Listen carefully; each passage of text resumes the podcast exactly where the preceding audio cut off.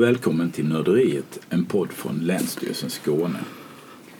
Här på Länsstyrelsen hyllar vi sakkunskapen. Här finns en massa nördiga och engagerade personer som kan oerhört mycket. I, vårt, I vår podd får de utrymme att dela med sig av sina kunskaper. Jag heter Mikael Ringman och idag sitter jag här med Hanna Hansson Hej. och Katarina Tymer Hej! Som jobbar på enheten för social hållbarhet. Välkomna hit. Tack så mycket. Tack. Idag ska vi tala om våld i nära relationer eller mäns våld mot kvinnor. Och jag tänker att vi, ni kanske kan ge mig en snabb definition av eh, de begreppen. Ehm, när vi talar om mäns våld mot kvinnor så pratar vi om det som ett paraply, paraplybegrepp där våld i nära relationer, hedersrelaterat våld och förtryck, prostitution och människohandel för sexuella ändamål men även våld som kvinnor och flickor blir utsatta för utanför nära relationer så att säga, sexuella trakasserier eller sexualbrott, eh, ingår. Så liksom ett paraplybegrepp där alla de sakerna ingår helt enkelt. Eh, och när vi pratar om våld i nära relationer eh, så är det ett begrepp för att beskriva det våld som personer kan utsättas för av en närstående, alltså nuvarande eller före detta partner, av syskon, föräldrar eller någon annan man står i liksom nära och förtroendefull relation till. Och det våldet kan ju ske i både eh, samkönade och olikkönade relationer.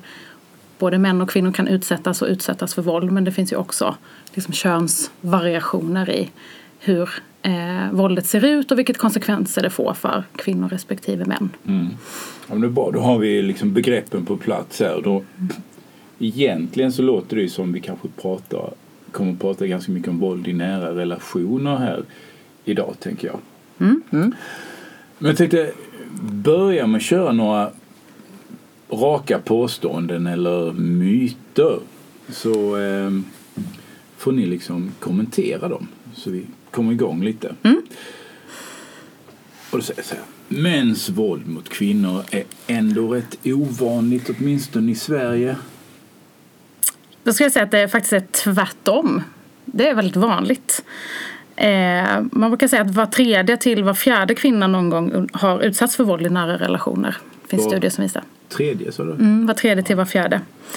Ehm, det finns en studie som heter Våld och hälsa som kom 2014 och i den finns det siffror på att 20% av kvinnorna i Sverige och 8% av männen är utsatt för systematiskt och upprepat psykiskt våld av en aktuell eller tidigare partner. Så det är många. Och tänk också utifrån metoo som är ju ett, eh, ett exempel på hur eh, många som har erfarenheter av våld eh, på olika sätt. Både liksom av närstående men också såklart av andra eh, på arbetsplatser eller i andra situationer. Mm. Då kör vi nästa påstående här. Då tar jag det till dig då, Katarina. Det är mest män som dricker som slår. Mm. Och då kan man ju se att det finns flera olika riskfaktorer som, som gör att det är en ökad risk att man, att man slår. Och det kan ju vara då alkohol eller att man har drogproblematik eller att man ligger i skilsmässa eller att man har blivit arbetslös eller olika sådana, eller psykisk ohälsa. Så det finns ju olika saker som kan göra att det finns en ökad risk för att hamna, eh, för att, eh, för att slå eh, sin partner. Eh, men, eh, men att det, det, det, det, det, är ju, det finns ju överallt i alla samhällsklasser och alla kulturer och, och så. Det, det, det, det spänner ju över hela vidden så det, man kan inte säga att det bara är en viss grupp eller att just att man bara dricker eller så. Utan det, det, det finns ökad risk när man är i, i kris eller i någon situation där man känner sig mer pressad än vanligt. Då finns det en ökad risk och, och så. Mm. Jättebra. Eh, tar vi nästa. Det är mest män med utländsk bakgrund som slår. Ja, som Katarina var inne på så är ju våld i nära relationer något som utövas liksom i alla kulturer och det är någonting som vi ser liksom när man gör såna här stora omfångsstudier. Eh, i, eh, i flera länder så ser man att det här är någonting som förekommer i alla samhällen och alla delar av, av världen helt enkelt. Eh, så den forskning som finns visar att våld mot, mot en närstående eller mot partner är liksom oberoende av våldsutövarens utbildningsnivå, alkoholkonsumtion, födelseland och så. Att det är någonting som förekommer eh, överallt helt enkelt. Mm. Sen har vi en sån här väldigt central eh, fråga. Det är kanske ingen myt egentligen, men, men i alla fall. Men så, varför lämnar kvinnorna inte bara? För att oftast har ju våldet föregåtts av, eller, och det är ju både om det är fysiskt våld och psykiskt våld och hela alltet, så har det föregåtts av en lång period av att man blivit eh, eh, eh, grad, man har nedlåtande kommentarer, man har blivit trakasserad lite grann hela tiden. Så man har blivit nedbruten, har dålig, väldigt dåligt självförtroende, eh, dålig självkänsla. Man har blivit begränsad, kontrollerad och till slut så så vågar man inte göra så mycket och har inte någon styrka att våga berätta, våga prata med folk eller söka hjälp eller så. Utan man, man, man känner att det är kanske lite grann ens eget, man är en egen del i det hela. Man, det, det, våldet har blivit normaliserat och att man känner att man själv har eh, en del varför det har blivit som det har blivit. Så man är inte stark tillräckligt. Mm kan ju också vara så att det handlar om andra saker som gör att det är svårt att lämna. Ja. Ekonomi till exempel. Eh, har man inte liksom en lön som man liksom kan klara sig på. Vi vet att det finns många äldre kvinnor till exempel som har låg pension. Där man är beroende av sin mans eh, pension också för att klara sig. Det kan också vara en sån kvarhållande faktor. Eh, bostadsmarknaden också, svårigheten att få något nytt boende överhuvudtaget kan också vara en sån sak som, som hindrar att lämna. Att det det finns också sådana saker som spelar in. Mm. Och även hot mot om, om man har husdjur, och, alltså djur, man kan ju ha hästar och allt möjligt. Eh, men att då hot mot att om du lämnar så, så, så, så, så eh, våldför jag mig på djuren. Och, och, det är också en, eh, och har man lämnat och, och, tagit med ett barn och kanske och flytt till en till ett, ett skyddslägenhet eller så, så, så kanske djuren är, är, är, kvar och man får då höra att, att de, de, de naturligtvis kan bli hotade också. Och då, vill, då kanske man väljer att gå tillbaka. Bra, då har vi fått lite kläm på området. Ehm, tänkte, ni är ju båda statligt anställda. Ehm, och det är jag också. Men mm. man kan ju fråga sig då hur det kommer sig att liksom våld i nära relationer eller mäns våld mot kvinnor är en fråga som staten ska jobba med. Mm. Länge var det ju så också. Det här var ju en fråga som man tänkte sig att det här ska inte samhället bry sig om. Vad som sker liksom bakom stängda dörrar, det, det har vi andra inte någonting att göra med. Men som tur var så har vi ju lagt det bakom oss och det finns en, eh, eh, ja, men en kunskap i samhället idag om att, och lagar och regler som säger att det här är ett samhälleligt ansvar. Eh, människor har rätt att leva fritt från våld och en del i det från liksom statens sida har ju varit att ge kunskapsstöd till exempel och att bidra till det arbetet som sker på lokal och regional nivå. För mycket av det arbetet som sker riktat till våldsutsatta och våldsutövare sker ju i kommunernas regi till exempel.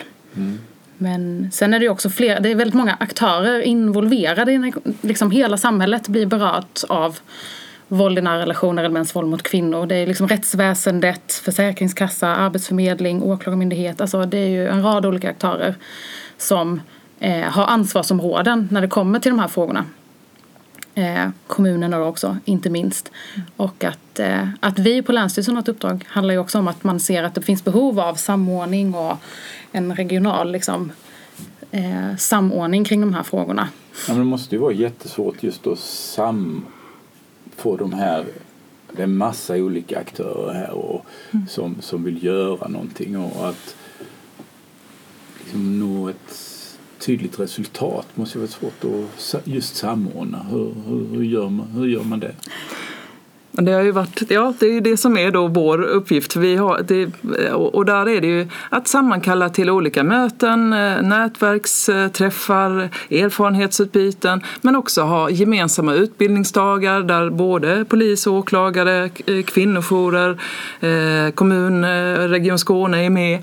Så, att säga. så vi försöker ju att hitta flera olika arenor där mm, olika parter då kan mötas, både från frivilligorganisationerna och från olika myndigheter. Och det, det är ju tack vare allt jobb som då frivilliga organisationer, kvinnojourer har jobbat fram under alla år eh, som, eh, som man då har, har, inom det statliga och från regeringens sida har velat lyfta till en, liksom att det här ska vara en viss standard på. Det här ska inte bara eh, lämnas på frivilliga organisationer utan det här ska, ska de statliga myndigheterna jobba med och i kommunerna.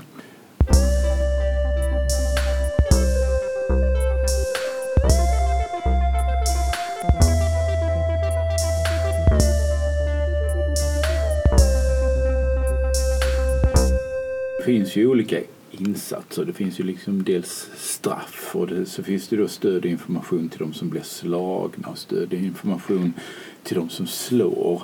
Alltså vilken, vad är det som funkar egentligen? Vilken insats har bäst effekt? Ja, det, jag skulle säga att det är en kombination av alla de sakerna. Att det är svårt att säga att det finns en sak som eh, fungerar för alla. Eh, det är också så att beroende på vilken livssituation man har så kan man ha olika behov av eh, olika insatser för att liksom få sitt stöd och skyddsbehov tillgodosett till exempel. Beroende på om du har en, kanske en funktionsvariation eller om du har ett missbruk eller så. Att det, det ställer krav på att samhället kan också ge insatser som är anpassade till liksom, de behoven som du som individ har. Eh, men eh, ja, jag tror att om man ska prata om vad som ger effekt så finns det liksom inte en metod eller ett sätt att jobba eller bara straff som fungerar utan att det är en, eh, liksom, en kombination av dessa olika sakerna samtidigt som fungerar. Ehm, för att vi vet till exempel när det kommer till ehm, straff, liksom, att det är en rätt liten del av allt våld i nära relationer som blir polisanmält och som, där vi får fällande domar, en väldigt liten andel. Eh, det finns stora mörkertal. Det betyder ju att vi också behöver jobba med, som du var inne på, eh, information till exempel. Eh, och stöd och skydd liksom, där man inte är beroende av en rättsprocess liksom, för att eh, det ensamt kommer inte lösa de här problemen. Mm. Mm. Men det finns ingen som är lite, lite bättre. Alltså som, är, som man tycker att ja, men det, här, det här funkar. Menar du då liksom på samhällelig nivå eller enskilda fall eller? Jag menar för många. För många. Mm. Ja, men om man, om, ja, om man ser så här att, att eh, om, om man ska ge eh, stöd och information till de slagna eller stöd och information till de som slår, vilket som skulle vara bäst av det, så finns det ju naturligtvis ingen. Man måste ju jobba med de som blir utsatta, för det är oerhört viktigt att, att stötta dem och, och, och, få dem på benen igen. Eh, och sen så måste du naturligtvis jobba med de som slår, för det hjälper ju inte bara att du jobbar med de som är utsatta, för det minskar ju inte våldet i framtiden. Du måste ju också eh, liksom, jobba med själva orsaken till problemet eh, de som slår och då, för att försöka få, få dem i behandling för att, för att eh, hitta alternativ till, till våld. Mm. För då blir det ju förebyggande kan man säga. Ja. Och det är ju det bästa att våldet inte sker. Mm. Ja. Går det att förebygga? Ja, det måste vi tro ja. att det gör. Ehm, jag tänker att man brukar prata om, liksom, när man pratar om brottsförebyggande arbete att goda och trygga livsvillkor och uppväxtvillkor för barn är en sån väldigt tydlig brottsförebyggande insats. Eftersom vi också vet att det finns starka liksom, samband mellan att ha bevittnat eller upplevt våld som barn och att själv eh, ha högre risk för att själv utöva våld eller hamna i en relation där man själv blir våldsutsatt. Så att, att eh, arbeta för att tidigt upptäcka eh, våld till exempel eh, inom skola är ju en sån eh, insats som är jätteangelägen att vi blir bättre på.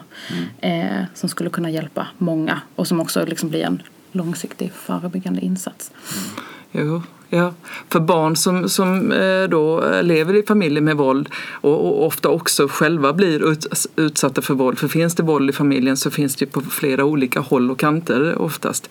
Eh, de mår ju också Eh, förutom att de riskerar att, att själva bli våldsamma eller eh, i, i framtiden eh, eller utsättas så mår de ju också psykiskt sämre och det kan ju få konsekvenser när de även i, i, i vuxen ålder alltså har sämre fysisk hälsa, sämre psykisk hälsa. Så det är också väldigt viktigt att jobba med. Och att när man, symptomen för barn kan ju också vara att man blir utagerande och då är det ju många gånger man, man det tycker att det liknar ADHD-prognos eller så. Och då, då sätter man in lite fel åtgärder istället för att liksom se vad är det som är orsaken till detta. Så det, kan, det, det är viktigt att gå till grunden mm. med, eh, med barnen så att säga. Och så, så det, det, är viktigt naturligtvis att jobba förebyggande både med de unga universellt men sen också förebyggande i återfallsprevention. Mm ofta när man talar om våld i nära relationer så tänker man liksom som någonting, det här är någonting som pågår mellan två personer men det finns ju ofta fler indragna, åtminstone finns, när det handlar om en familj. Mm. Alltså för då, är ju, då blir ju även barnen ett brottsoffer kan man väl mm. uttrycka det som. Absolut. Ja. Och eh, hur, eh, hur, hur påverkas de av det här? De påverkas ju väldigt mycket. Våld får stora konsekvenser för barn. Eh, både på lång och kort sikt skulle jag säga. Dels i liksom, eh, situationer när det sker att eh, där det förekommer våld mellan, liksom att en förälder är våldsutsatt till exempel så förekommer det oftast att, att våld också riktas mot barnen eller hot om våld. Eh, men det får också konsekvenser i långa loppet där vi ser att, att ha eh, levt med våld får liksom konsekvenser på både den psykiska och fysiska hälsan i ett livsloppsperspektiv till exempel.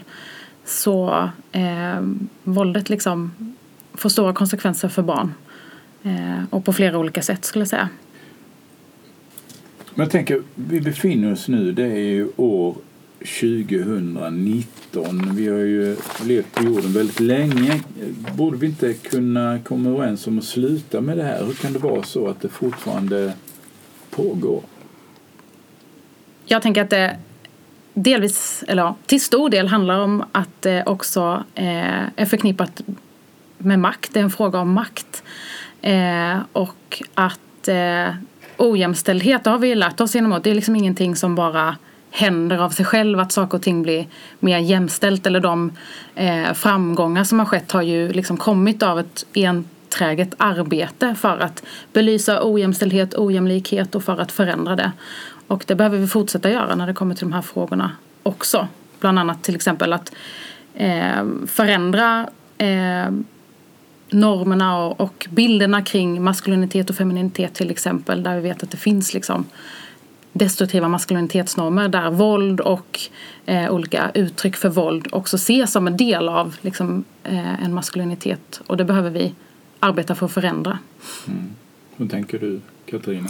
Ja, jag tror också att det är viktigt att man eh, att vi ser varandra, att vi har ett åskådarperspektiv, att vi vågar prata om det eh, överallt i samhället, på arbetsplatser, i skolan, att, att, eh, att vi vågar säga ifrån att nej, nu har ni gått för långt.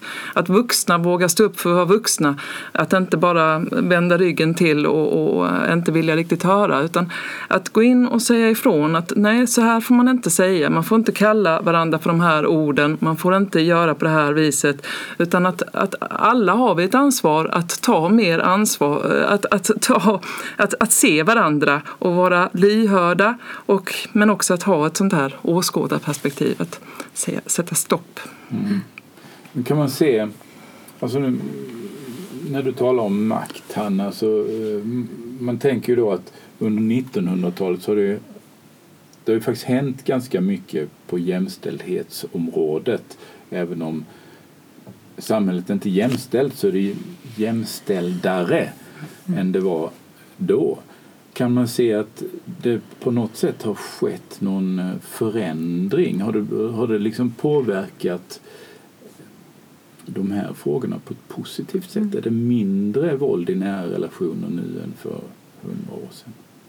Alltså, det är väldigt vanskligt just det där med siffror och eh, statistik på området. Eh, alltså just med hur många har varit utsatta och alltså, det finns en massa svårigheter kopplade till liksom, statistiken. Men jag tänker att ja, det som har hänt är ju till exempel att vi nu ser det här som ett samhälleligt ansvar. Det finns en tydlig liksom, lagstiftning och tydliga riktlinjer kring att samhället ska stå för stöd och skydd för den som är våldsutsatt. Eh, och att det är liksom någonting som samhället ska stå för. Det, tänker jag, det är ju en väldigt stor förändring och en väldigt stor framgång. Liksom. Sen så har vi eh, en väg kvar för att det ska liksom också vara så i praktiken för alla.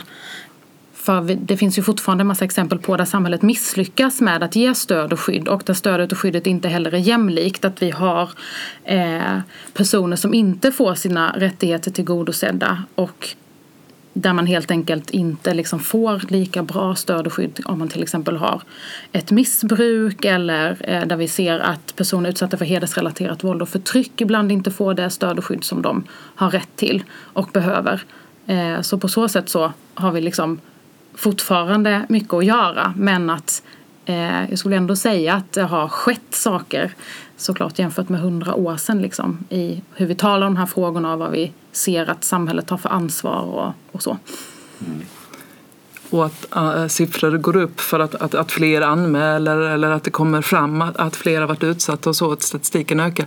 Det, bety- det är ju också, kan man se positivt till viss del, för det är, folk vågar ju anmäla i större grad, vågar och, och, och söka hjälp i högre grad idag. Efter och det är ju eftersom att det finns mer stöd att få. För finns det inget stöd att få som det kanske då var för, förr i tiden, ja då, då var det ju inte så mycket att anmäla heller eller prata om för då, då var det ju bara att bita ihop. Mm. Men idag så finns det ju möjligheter och det finns stöd att få och då är det fler som vågar anmäla och säga att det här är fel.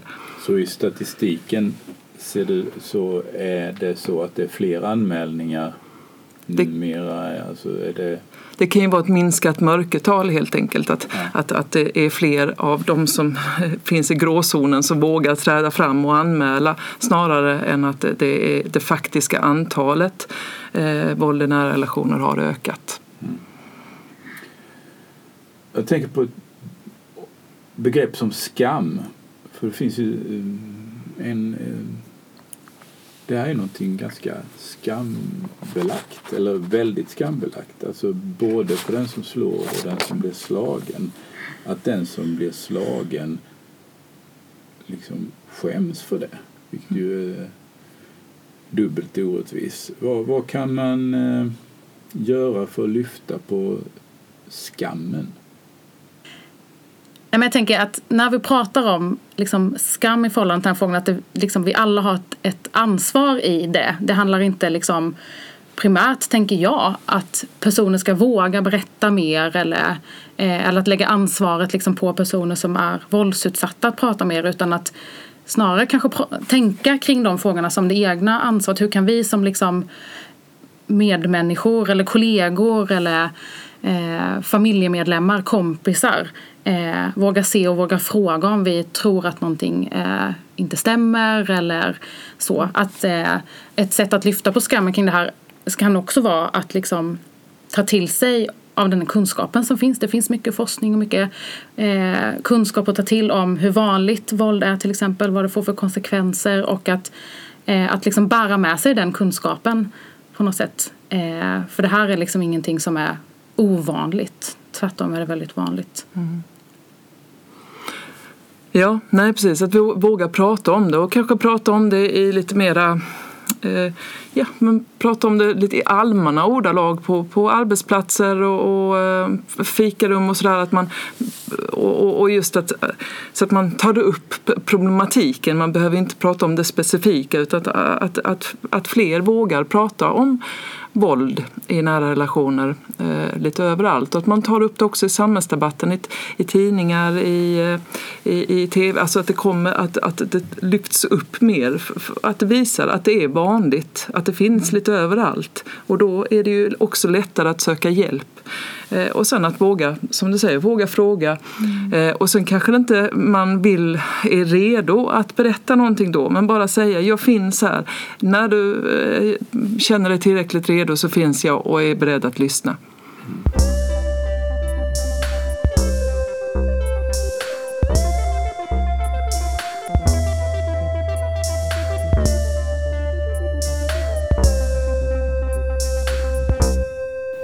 Just det här med man, ni säger att det här är vanligt. Då får jag någon sån här fundering på att man kanske, för ofta i sådana här frågor när någon gör fel, no, no, alltså no, någon slår, mm. det blir ju någon otroligt avståndstagande, eller vad ska man säga, eftersom det är så, ja, någon går ju över en mm.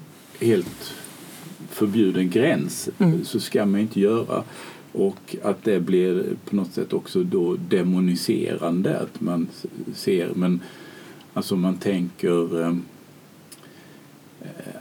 man borde kanske tänka på ett annat sätt att ja men det här, människor har förmågor till, till ganska goda handlingar men också i felaktiga situationer ganska fruktansvärda handlingar. Att man borde, liksom skulle titta inåt också yeah. på något sätt och mötas i det. Absolut. Jag tror en viktig del är att liksom utmana de eh, föreställningarna och fördomarna man kan ha kring vem som blir utsatt för våld, vem som utsätter för våld.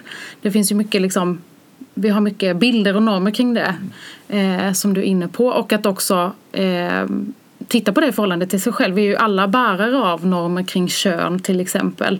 Eh, vi lever i ett samhälle liksom, där det finns föreställningar och normer kring kön, manligt, kvinnligt eh, eh och att vi alla är påverkade av det. Liksom.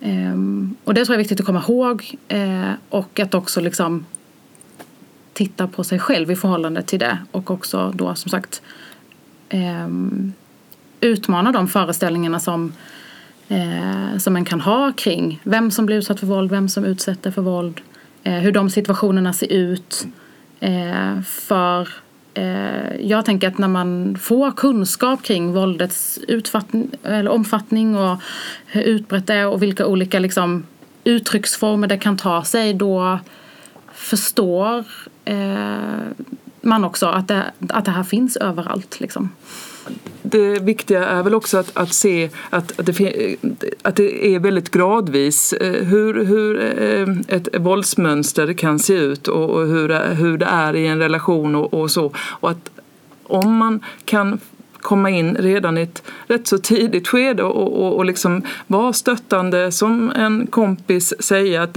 nu eh, kanske du behöver eh, komma på andra tankar, muntras upp eller liksom om man ser så, så kanske att försöka stödja Mm. Både den som håller på att gå över gränsen eller den som eh, riskerar att hamna i en, en, utsatt situation. Och att också se tidigt bland barn vilka har kanske lite mer aggressiva drag, har svårt att Eh, hantera sin eh, ilska och så och, och stötta tidigt där för det, det, det, det, det vet vi om att det kan ju leda åt fel håll. Mm. Jag tänker att liksom reagera när andra använder våld eller, eller såklart men också sexistiska kommentarer, homofoba kommentarer till exempel. Att, yeah. att ta ansvar för att säga ifrån och för att liksom inte acceptera det. Där tänker jag liksom att pojkar och män också har ett särskilt ansvar för det. Liksom, att att eh, våga säga ifrån liksom. Och att agera på ett sätt som inte liksom främjar den typen av uttryck är mm. jätteviktigt. Och det är ett ansvar som vi alla har såklart liksom, men där eh, män och pojkar också, mm. tänker jag, behöver i större utsträckning göra det. Hur ser det här sambandet ut då mellan de här kommentarerna till det, de, de, de våldsamma uttrycken? Du, du, du menar att de hänger ihop här? Ja, det menar jag. Man brukar prata om någonting som eh, kallas liksom våldspyramiden där sexistiska, homofobiska, rasistiska, transfobiska skämt liksom mm, är liksom basen i den här pyramiden och sen så eh, så byggs den på med liksom skoj, bråk och slag och misshandel, grövre misshandel och i toppen så finns liksom mod då. Eh, och, eh, men där liksom, ju större acceptans det finns liksom för de här sakerna längre ner i den här pyramiden desto liksom mer kan det förekomma av det andra som är högre upp i pyramiden. Den brukar man liksom använda som ett sätt att eh, synliggöra hur de här sakerna hänger ihop. Liksom. Mm. Och om alla då tar ansvar för att sä sä säga nej eh, redan eh, här på den lägsta nivån, mm. ja då, då, finns det ju större chans för att, man inte, för att det inte ska vara så mycket av det andra. För det är, då är det verkligen, det är inte tolerans för detta. Mm. Det är inte okej. Okay. Bra, då har vi fått någonting att ta med oss här efter programmet, liksom från programmet. Ja. Mm. Eh, jag tänker att just nu när vi spelar in det här, det är ju våren 2019 här, mm. så är ju mäns våld mot kvinnor eller våld i nära relationer en fråga som hörs och syns jättemycket. Vad beror det på? Jag tänker att det beror på flera olika saker. Det är ju just nu väldigt mycket medial uppmärksamhet kring frågan efter den här dokumentären om Josefin Nilsson. Eh, Uppdrag granskning har också haft uppe eh, de här frågorna nyligen. Eh, jag tänker att metoo är en jättestor anledning till att eh, vi pratar om de här sakerna mycket nu och på ett sätt som vi kanske inte gjorde för några år sedan.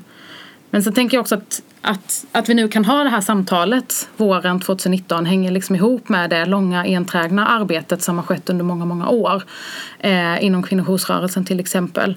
Eh, och eh, bland liksom, yrkesverksamma personer som i kommuner och inom hälso och sjukvård har liksom enträget under många år jobbat för att den här frågan ska få eh, bli en fråga vi pratar om helt enkelt. Eh, så det tänker jag också. Eh, att vi kan ha det här samtalet idag liksom, beror också mycket på det där långa enträgna arbetet som har skett under alla år när kanske inte så många har velat lyssna men där det arbetet liksom dag ut och dag in har fortsatt ändå. Mm. Och där man även från regeringshåll har satsat sedan 2008 i alla fall ganska tydligt på de här med handlingsplaner och så mm. Eh, inom vårt område. Mm. Jag tänker mediala frågor planar ju ut. Hur gör man för att liksom hålla fast i detta? Finns det någonting som behöver förvaltas nu när det finns momentum? Resonerar ni så överhuvudtaget? Ja, det gör vi. Vi har ju diskuterat hur... Eh, vi är ju såklart glada för att eh, de frågorna som vi brinner för liksom, eh, är liksom i, i, i det offentliga samtalet väldigt mycket just nu. Eh, och eh, men vi pratar ju precis om det, hur får vi det här till att bli liksom långsiktigt? Det här behöver ju vi prata om väldigt mycket och vi behöver vara många som pratar om det under väldigt lång tid. Liksom, för att vi ska nå framgång och för att vi ska nå målet eh, inom det här området som ju är att liksom, alla ska ha rätt till kroppslig integritet och frihet från våld. Men en sak som vi bland annat eh, diskuterar eh, tillsammans med också våra samarbetspartner är mycket det här hur kan vi som jobbar inom myndigheter med de här frågorna ta tillvara alla de vittnesmål och den kunskapen som också kommer fram under liksom, eh, de olika hashtags som är kopplade till metoo. Det finns ju flera specifika upprop till exempel där man vittnar om bristande bemötande, osynliggörande från myndigheter, att man inte blir tagen på allvar. Och det är en jätteviktig kunskapsbas för oss att förvalta över lång tid. Liksom. Eh, så det är en sån fråga som vi har diskuterat. Men också... Hur kan man göra det? Eh, bland annat så har ju vi gjort, Jämställdhetsmyndigheten har bland annat liksom gjort eh, korta utbildningsfilmer och att, ha, att man har utifrån eh, uppropen Eh, och också i dialog med de här uppropen att, att ha ett samtal med dem, representanterna. Eh, vad ser de som de viktigaste liksom, frågorna? Vad har de för tankar och idéer kring hur kan stödet eh, och skyddet förbättras till exempel? Och att eh, liksom, lyssna till det helt enkelt, tänker jag är en viktig uppgift som vi har. Men sen så tänker jag också att, att vi behöver ju jobba med så här, hur omvandlar vi den här liksom uppmärksamheten och också kollektiva ilskan som det är mycket kring de här sakerna eh, just nu till eh, ett långsiktigt engagemang. Liksom. Att få politiker och eh, beslutsfattare, chefer till exempel att se så här, okej okay, det här är också en fråga som vi måste jobba med varje dag. Liksom. Hur gör vi det?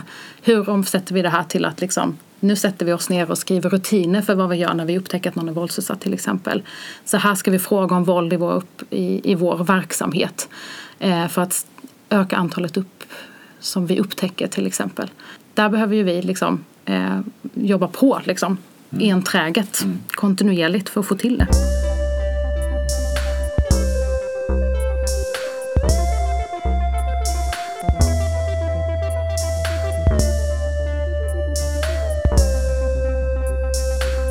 Katarina, vi på Länsstyrelsen gjorde ett inlägg ganska nyligen om en stödlinje för män som slår och den fick ju ett väldigt bra genomslag. Kan berätta lite om det? Ja, den 4 februari i år så startade startades en ny, öppnades en ny telefonlinje för eh, personer som utövar våld eller riskerar att utöva, utöva våld i nära relationer. Och detta är Länsstyrelsen i Stockholm tillsammans med Länsstyrelsen i Skåne och Manscentrum som har öppnat den här linjen. Då. Varför startar man just en telefonlinje? För att om vi ska kunna minska våldet i, i framtiden, om vi ska kunna eh, nå orsaken till själva problemet med det hela så, så, är det viktigt att jobba med eh, att få de som utövar våldet att finna andra eh, alternativ till eh, att hantera sin ilska och, och sitt kontrollerande beteende och så. Eh, så det är ett väldigt, väldigt viktigt sätt för att minska våld i nära relationer i framtiden. Och den här linjen heter Välj att sluta. När är den öppen? Den är öppen på eh, dagtid 9 eh, till 16. Och det är ofta för att ofta ringer man in, kanske inte i den akuta situationen, man, har sett på eh, en liknande telefonlinje eh, som finns i Storbritannien eh, och, och, då, och, tagit mycket, hämtat mycket inspiration och erfarenhet och kunskap därifrån. Och där hade man den öppen från början men man såg att man ringer framför allt ja, i veckan. Alltså man ringer inte kanske från hemmiljön, man ringer inte när det är i akuta läget utan när man är på jobbet, kanske kan gå ifrån, sitta lite tyst privat och då försöka, och, så har man kommit inser man att det här, så, sån här person vill jag inte vara, jag vill ha hjälp med detta och då kanske man kan ringa. Mm. Um, och man kan förstås vara anonym då? Ja, ja. man ringer in och, och, får ett anonymt samtal och ungefär en halvtimme till en början. Uh, och, och, det handlar om att, att man, man, ställer lite frågor, man motiverar framför allt till att våga gå vidare och söka hjälp och behandling med detta så att man, får, man blir hänvisad sen till behandling i den Eh, kommun där man bor. För det här handlar ju ändå om att man behöver flera samtal och, och, och, så. Så att det här är ett, ett, liksom ett första samtal för att både kunna hjälpa eh, i stunden men också till att motivera till att man vågar kunna ta kontakt till, att, eh, till behandling i kommunen. Mm, ja, men jag tycker det kan kännas bra att eh, börja avrunda här för då liksom i, i det här mer lösningsorienterade, det, går att få hjälp att sluta slå då. Eh, vi har alltså då välja att sluta för dig som vill få hjälp att eh, förändra ett kontrollerande eller våldsamt beteende. Men jag tänkte Katarina och Hanna, eh, kan vi, kan vi hitta något annat tips och förslag? Vart vänder sig den som är utsatt? Som, alltså vad, vad ska de göra då? Till exempel så kan man vända sig till Kvinnofridslinjen som är en telefonlinje för eh, våldsutsatta helt enkelt. Eh, och dit kan man också ringa eh, för att få stöd och hjälp och eh, kunna få prata med någon som, som kan det här med våld och vad det får för konsekvenser. Den är öppet dygnet runt och också vända sig som yrkesverksam eller medmänniska, anhörig för att också få liksom, prata om om man sitter med någon som man möter i sitt jobb till exempel om man är anhörig till någon som är utsatt. Men sen så finns det ju också eh, såklart stöd och hjälp att få genom liksom, socialtjänsten i den kommunen man är bosatt. Eh, det finns också eh, väldigt många civilsamhällesorganisationer, kvinno och tjejjourer, eh, inte minst som eh, ger stöd och skydd till personer som har varit eller är våldsutsatta. Så det finns stöd och hjälp att få. Man har framförallt rätt till det. Det är en rättighet vi alla har att få stöd och skydd från samhället eh, vid våldsutsatthet. Mm. Mm. Något du vill tillägga, Katarina? Ja, nej, vi vill bara uppmuntra att, eh, att, att fler eh, vågar eh, söka hjälp, så att säga. Både de som riskerar att utöva våld eller utöva våld och de som är utsatta. Att det finns hjälp och telefonlinjer kan, kan vara ett, ett, ett, ett första steg att överhuvudtaget våga benämna, benämna detta. Och då är det ju att eh, om man ska ringa till Välj att sluta så är det 020 555 666. Och till Kvinnofridslinjen för de som är utsatta för våld är det 020 50 50 50. Mm. Ja, men, eh, tack så mycket Hanna Hansson, Katarina Ty Tymer. Det, det är svåra frågor det här men mm. eh, det har varit eh, väldigt intressant att eh, försöka diskutera dem eh, med er och eh, jag hoppas att ni som lyssnar också tycker det och har fått med er någonting. Vi skippar det lägsta lagret i den här våldspyramiden nu och vi ska ja. alla våga se och våga, våga tala mm. om, om de här frågorna. Så tack till er. Tack, tack så jättemycket så återkommer vi med ett nytt avsnitt om eh, nörderiet om någon månad eller så. Hej hej!